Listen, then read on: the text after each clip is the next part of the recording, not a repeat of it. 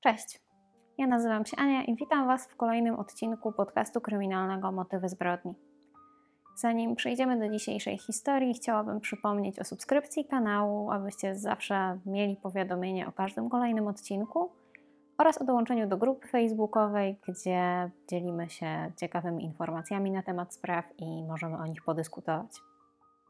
Setki tysięcy osób na całym świecie giną bez śladu. Jedni z nich czasami wracają, a innych nie udaje się nigdy odnaleźć, tak jak na przykład było w opowiadanej na tym kanale sprawie Larsa Mittanka.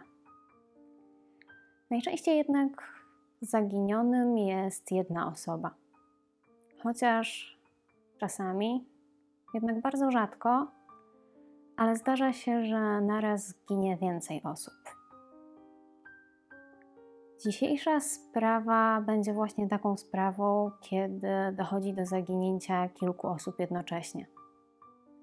Jak wszystkie opowiadane na tym kanale sprawy, ta sprawa również będzie z Europy. Jednak ta będzie nam troszeczkę bliższa, ze względu na to, że dzisiaj porozmawiamy o sprawie polskiej.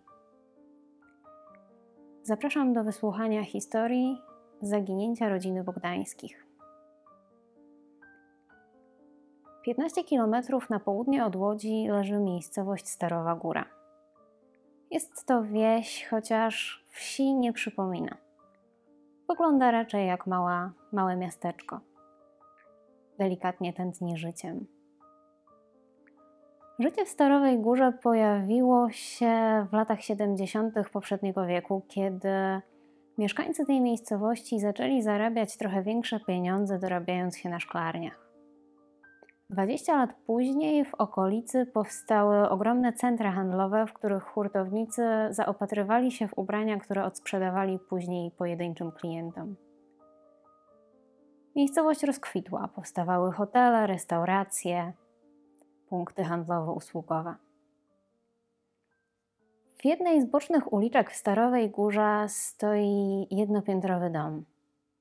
Ten dom nie wyróżnia się spośród innych domów w okolicy całkiem nowy, z zadbanym ogrodem i kącikiem do grillowania. Jednak ten dom kryje tajemnicę, której rozwiązania nie znamy do dzisiaj. Na początku lat 80. Bożena Kuśmider uczęszcza do technikum łączności w Łodzi. Tam też poznaje swoją wielką miłość Krzysztofa Bogdańskiego. W 1985 roku para staje na ślubnym kobiercu i otrzymują od rodziców Bożenę całkiem hojny prezent, a mianowicie jest to działka budowlana w Starowej Górze. Para już od początku planuje, że tam właśnie stanie ich wymarzony dom. Jednak zaraz po ślubie, z racji braku funduszy, przeprowadzają się do niewielkiego wynajętego mieszkania w Łodzi. I tam też spędzają pierwsze lata swojego małżeństwa. Na świat przychodzą ich dzieci, córka Małgorzata i syn Jakub. I kiedy te dzieci pojawiają się na świecie, wtedy staje się jasne, że posiadanie domu to, to świetny pomysł. Krzysztof Bogdański był zaradnym mężczyzną, który miał żyłkę do interesów. Wszyscy go z tego znali. I kiedy w latach 90.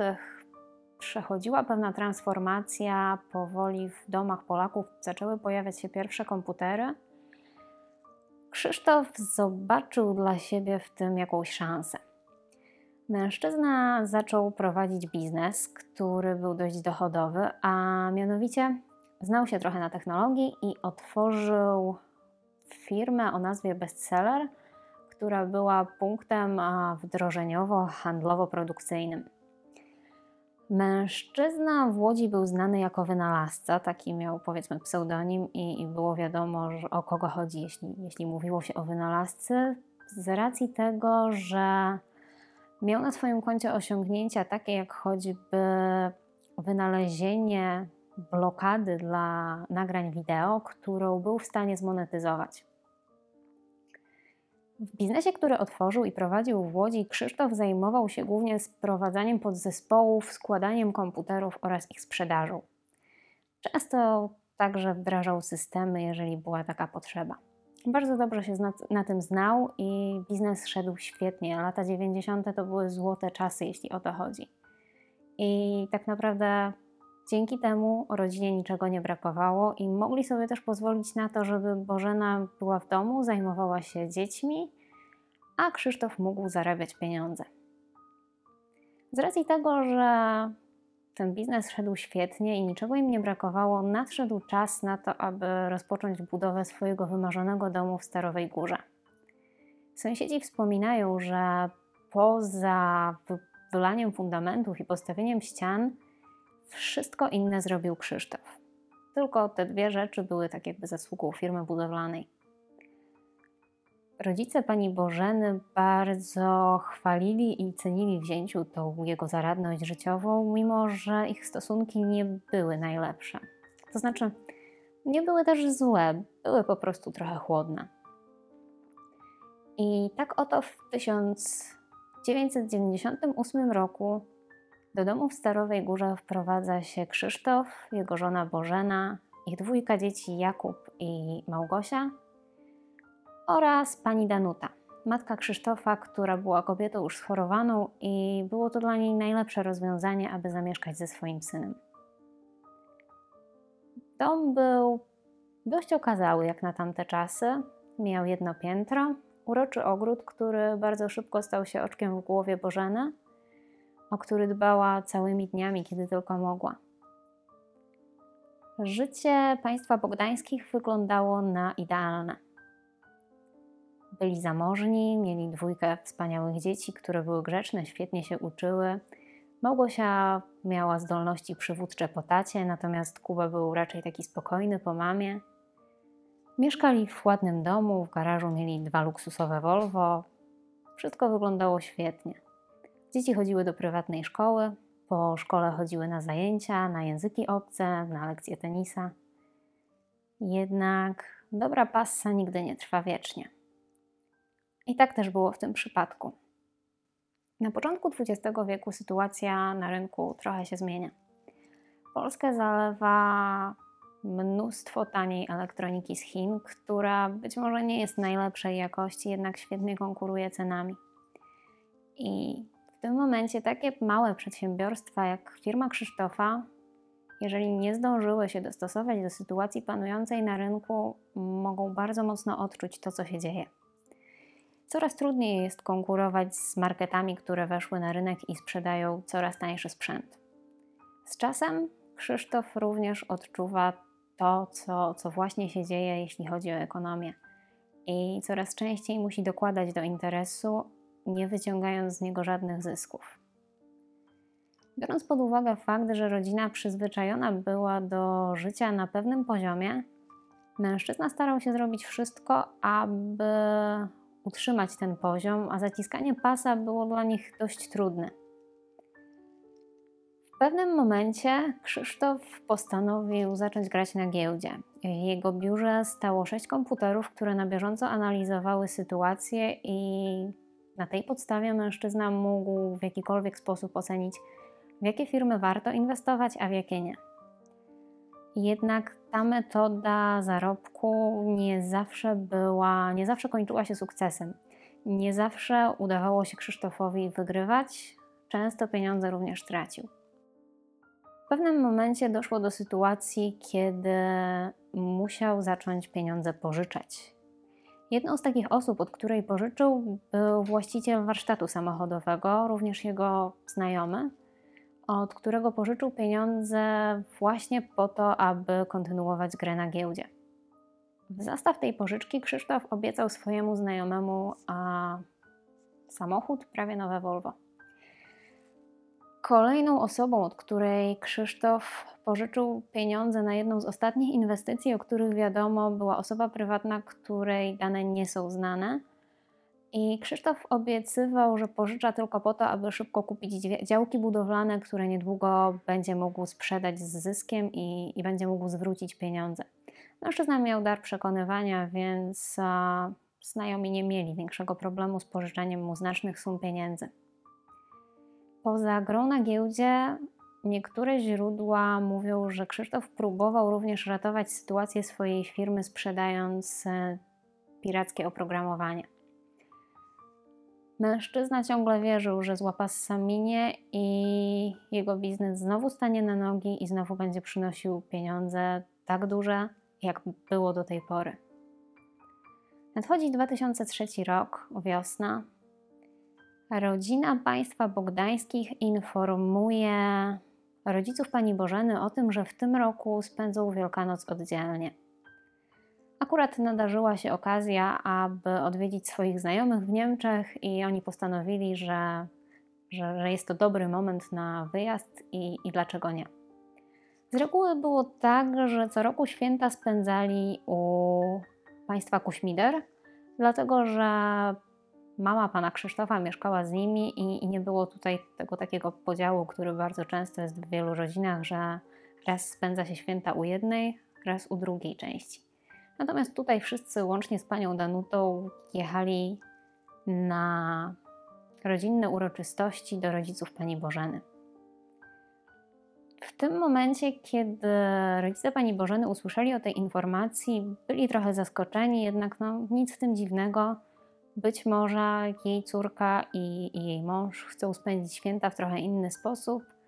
Dzieci uczyły się dobrze, czasami też wyjeżdżały z rodzicami, kiedy musiały iść do szkoły, ale nie było żadnego problemu w tym, aby nadrobiły materiał, więc nikt się jakoś mocno nie przejął tym, co się działo.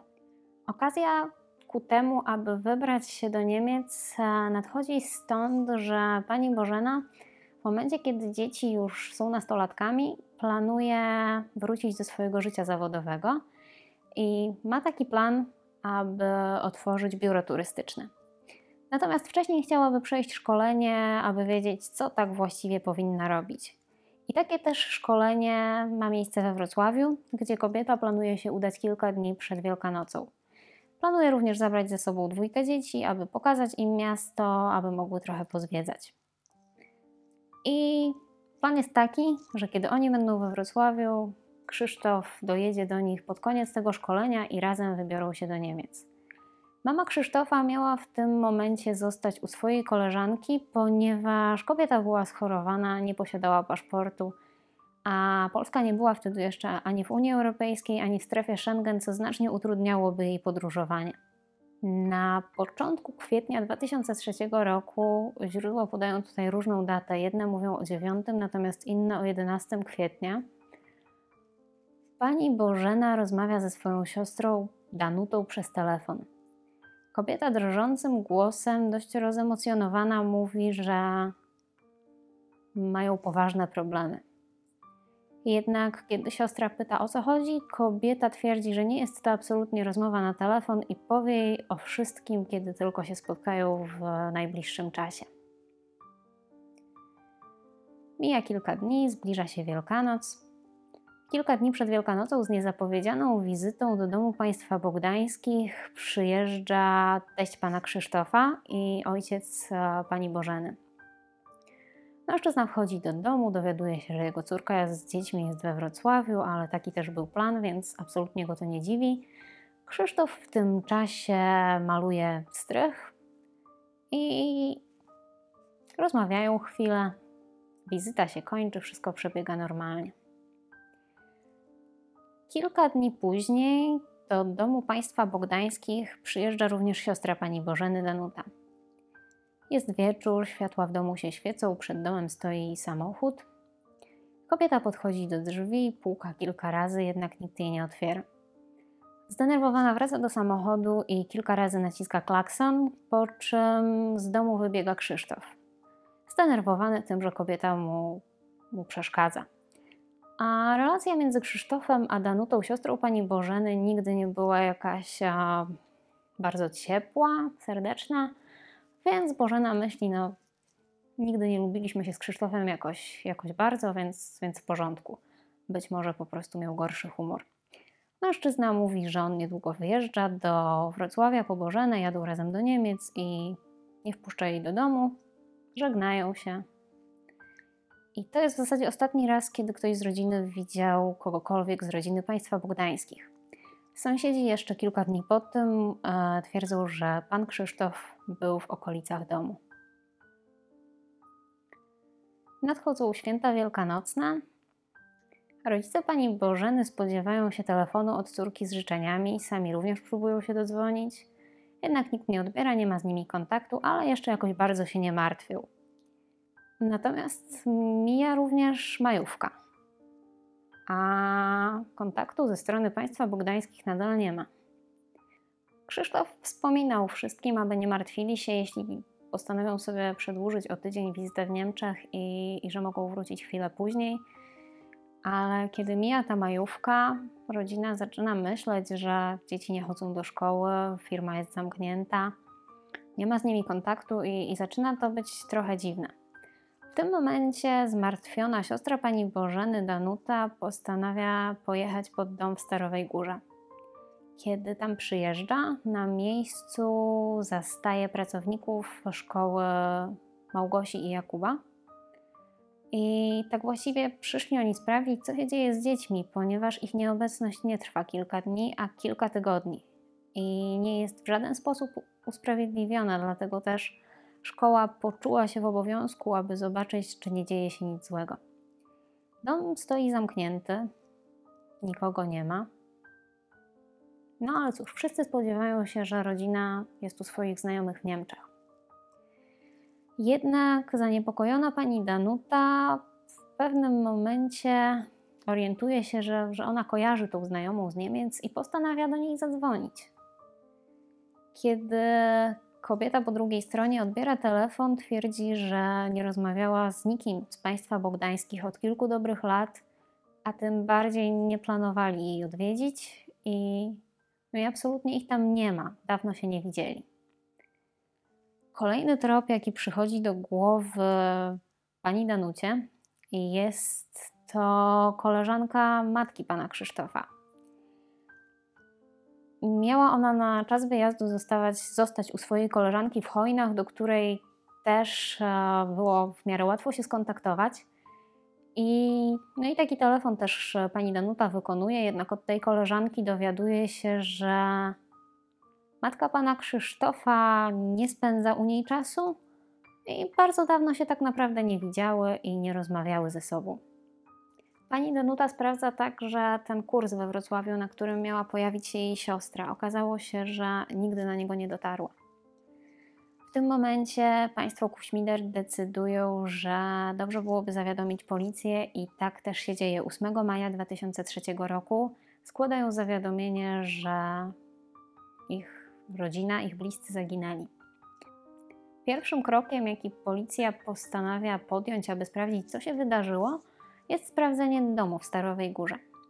Kiedy rozpoczynają takie pierwsze oględziny, dzieje się coś bardzo zaskakującego, odkrywają coś bardzo zaskakującego.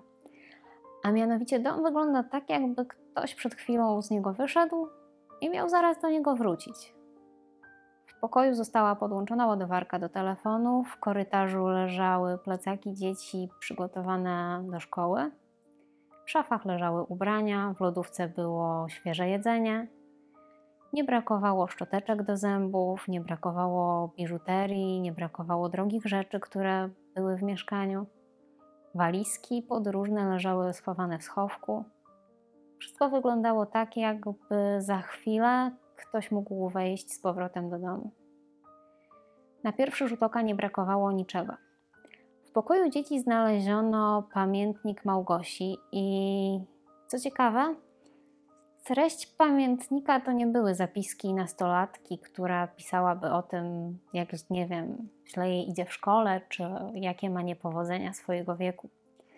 Natomiast z tego pamiętnika udało się dowiedzieć, że jej tata ma bardzo poważne problemy finansowe i była też mowa o wspólniku, nie wiadomo kim jest dany wspólnik, który już przeszedł przez granicę co również nie do końca wiadomo, co mogło oznaczać.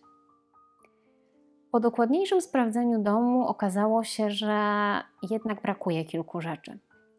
Nigdzie nie znaleziono czterech paszportów oraz samochodu nowego Volvo S70.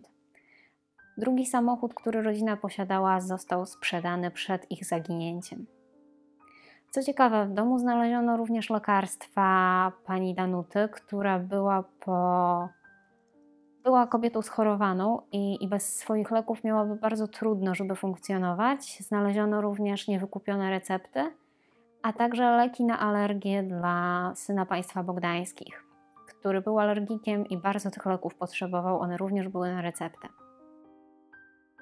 W tym momencie wszyscy byli dość mocno zaskoczeni, co tak naprawdę się wydarzyło, bo absolutnie nie wygląda na to, że rodzina zwyczajnie wyjechała na wakacje. Torby leżały w domu. Nie brakowało nawet szczoteczek do zębów. Kosmetyków, tak naprawdę niczego. Jednak w momencie, kiedy wiadomość o zaginięciu państwa bogdańskich dostała się do opinii publicznej, zainteresowało się tym kilka banków. Kiedy policja sprawdziła konta państwa bogdańskich, okazało się, że każde z nich jest puste. A co ciekawe, każdy dorosły członek tej rodziny miał zaciągnięty kredyt. Łączna wartość tych kredytów jest podawana bardzo różna, od miliona złotych do około dwóch milionów, być może nawet więcej. Każdy z nich wziął kredyt pod zastaw domu, co w tamtych czasach oczywiście nie było legalne, natomiast było możliwe ze względu na to, że banki nie miały jeszcze systemów, które tak szybko pozwala, pozwalałyby sprawdzać, czy dana nieruchomość jest już zadłużona. Banki bardzo się zainteresowały zaginięciem rodziny ze względu na to, że oznaczało to, że być może doszło właśnie do oszustwa i swoich kredytów nigdy nie odzyskają. Na tamtą chwilę nie było również wiadomo, jak wiele długów mogli mieć państwo bogdańscy u osób prywatnych. Jedną z ciekawszych rzeczy, którą wiele osób uważa za klucz do rozwiązania zagadki zaginięcia państwa bogdańskich, są dyski twarde znalezione w domu, które były dokładnie wyczyszczone z danych i nie udało się absolutnie nic z nich odczytać. Pan Krzysztof był specjalistą, jeśli chodzi o technologię, więc e, był w stanie to zrobić bardzo dokładnie. Kilka dni po zaginięciu na policję przychodzi anonimowy list, który, w którym informator twierdzi, że Krzysztof Bogdański żyje, a policja powinna zająć się dość e, dokładnym przeszukaniem posesji, domu oraz piwnicy, która ostatnio miała nowe wybetonowane miejsce.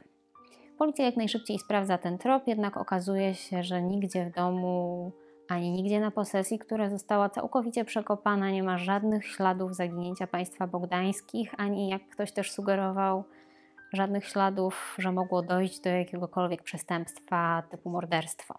Bo pamiętajmy oczywiście, że doszło do oszustwa. Ciekawą e, kwestię tutaj wspomina również e, mechanik, o którym już mówiłam w, w kontekście zaciągnięcia pożyczki przez pana Krzysztofa. A mianowicie e, zeznaje on, że kilka dni przed zaginięciem rodziny Bogdańskich pan Krzysztof pojawił się u niego, a pojawił się z samochodem, który miał mu zostawić w formie tak jakby części długu oraz z kilkoma kartami do bankomatu, z których polecił mu wybierać co miesiąc po 10 tysięcy, które pan Krzysztof miał na te konta wpłacać, aby ten dług mógł zostać odebrany. Krzysztof wspomniał również temu znajomemu, że całą rodziną wstąpili do sekty i w związku z tym wyjeżdżają z kraju. Kolejnym dość ciekawym wydarzeniem, które tutaj wychodzi, faktem może bardziej, które wychodzi na jaw w trakcie śledztwa, jest sytuacja, którą wspomina pan Tadeusz Kuśmider. A mianowicie pan Krzysztof Bogdański dzwonił do niego i poprosił go, aby ten pilnie przyjechał do ich domów w Starowej Górze, bo chce go nauczyć, jak obsługiwać gazowy piec. Pan Tadeusz przyjechał na to miejsce. Prośba nie wydawała mu się absolutnie dziwna, tym bardziej, że Krzysztof motywował swoją prośbę tym, że pan Tadeusz będzie w stanie palić im w domu, żeby, żeby wszystko było w porządku, kiedy oni wyjadą zimą. W tej prośbie naprawdę nie byłoby nic dziwnego, gdyby nie fakt, że nastąpiła ona wczesną wiosną. I w tym momencie ten fakt przypomniał się panu Tadeuszowi jako coś takiego, powiedzmy, trochę dziwnego. Przejdźmy teraz do hipotez. W tej sprawie hipotez było dużo. Nic dziwnego, jest to jedna z najbardziej zagadkowych polskich spraw, jeśli chodzi o zaginięcia. Pierwszą hipotezą, którą e, badała policja, było masowe samobójstwo. Jednak ciała ani jednego członka rodziny nie zostały odnalezione, a była to pięcioosobowa rodzina, więc takie znalezisko byłoby dość charakterystyczne. Poza tym, mm, jeśli wszyscy popełniliby samobójstwo, to jedno ostatnie ciało chociaż byłoby bardzo trudne do ukrycia. Więc ta hipoteza została odrzucona. Badano również dołączenie przez rodzinę do sekty. Tutaj nic poza tym, co Krzysztof wspomniał mechanikowi, nie potwierdzało takiego przebiegu wydarzeń, więc tą teorię również odrzucono. Kolejną hipotezą były gangsterskie porachunki bądź też porwanie związane z niespłaconymi długami. Tak jak wspominałam, zdarzało się, że Krzysztof Bogdański pożyczał pieniądze od osób prywatnych, natomiast sąsiedzi wspominają, że w niedługim czasie po zaginięciu rodziny pod domem pojawiały się groźnie wyglądające osoby, które przyjeżdżały tam raz na jakiś czas z nadzieją, że być może uda im się kogoś spotkać. Tutaj niestety nie udało się w żaden sposób potwierdzić, czy zaginięcie rodziny Bogdańskich ma jakikolwiek związek z gangsterskimi porachunkami, bądź też jakąś zemstą za długi. Chociaż nie wydaje mi się to realne, że cała rodzina zapłaciłaby za to, że, że, że jedna osoba wzięła pożyczkę u niewłaściwych osób. Kolejną teorią, która była badana, była teoria o tym, że to Krzysztof pozbawił życia całą rodzinę, zwyczajnie dlatego, że łatwiej byłoby mu uciec samemu. Jednak ani nikt nigdy nie wpadł na żaden ślad Krzysztofa, ani też nie znaleziono ciał nikogo z rodziny. Hipotezą, która w tej historii wydaje się najbardziej realna, jest hipoteza o ucieczce. O tym, że rodzina pogrążona w przeogromnych długach, w bardzo trudnej sytuacji finansowej, postanowiła, że po prostu rozpocznie nowe życie. Stąd też być może wszystkie kredyty, które zaciągnęli w banku, być może po prostu gromadzili kapitał e, po to, aby wyjechać i zacząć gdzieś życie od nowa. A w tej hipotezie były brane pod uwagę jakieś dodatkowe wątki osób, które mogłyby im pomóc, z choćby podrobieniem dokumentów, dzięki którym mogliby przejechać przez granicę, czy, czy, czy, czy rozpocząć nowe życie w jakimś innym miejscu na świecie. Warto tutaj wspomnieć również, że w sprawę zamieszany był także Interpol, e, ponieważ za Bożeną, Krzysztofem i panią Danutą, matką Krzysztofa, zostały wystawione międzynarodowe listy gończe w związku z wyłudzeniem, jeśli chodzi o te kredyty bankowe, więc byli oni szukani także jako podejrzani w innych krajach niż Polska, natomiast nie udało się trafić na żaden ich ślad. W internecie istnieje jeszcze jedna hipoteza, o której internauci dość często mówią, jednak ona nie ma absolutnie żadnego potwierdzenia. A mianowicie mówi się o tym, że Krzysztof Bogdański został objęty programem ochrony świadków koronnych i być może tak było, natomiast tutaj tej hipotezie przeczą na pewno fakt, że, że policja wystawiła listy gończe za rodziną, ale nie mam tak naprawdę pojęcia, czy taka sytuacja mogłaby się wydarzyć. Detektyw, który był zamieszany w poszukiwania rodziny Bogdańskich, e, w 2003 roku latem stwierdził, że wpadł na ich ślad, a mianowicie kobieta, która była ekspedientką w sklepie spożywczym w centrum handlowym w Radomiu, twierdzi, że widziała mężczyznę, który był łudząco podobny do Krzysztofa Bogdańskiego oraz starszą kobietę, która poruszała się w dość specyficzny sposób. Tutaj warto przypomnieć, że pani Danuta, matka pana Krzysztofa, była osobą dość schorowaną i mogło, mogło tutaj chodzić o jakieś problemy z poruszaniem. I tak naprawdę to już jest koniec wszystkiego, co wiemy na ten temat. Do dzisiaj w domu w Starowej Górze bywają rodzice pani Bożeny. Jej mama dba o ogród. Ma nadzieję, że Córka być może kiedyś wróci i, i będzie chciała zobaczyć ogród, który tak bardzo lubiła w dobrym stanie. Mam nadzieję, że być może chociaż wnuki kiedyś się odezwą. A do dzisiaj nic nie wiadomo. Nie wiadomo, co się stało z rodziną. Ich dom stoi i czeka. I, I tak naprawdę żadna z teorii nie została nigdy potwierdzona. Dziękuję Wam za obejrzenie tej historii i wysłuchanie do końca. Podzielcie się w komentarzach, jakie są Wasze opinie na ten temat, w co Wy najbardziej wierzycie, a być może słyszeliście o zupełnie innych rozwiązaniach, o których tutaj e, nie, powiedzia nie powiedziałam. A mam nadzieję, że Wam się podobało. Jeżeli tak, pamiętajcie o zasubskrybowaniu kanału, o łapce w górę i o dołączeniu do grupy na Facebooku. Do zobaczenia za tydzień. Cześć!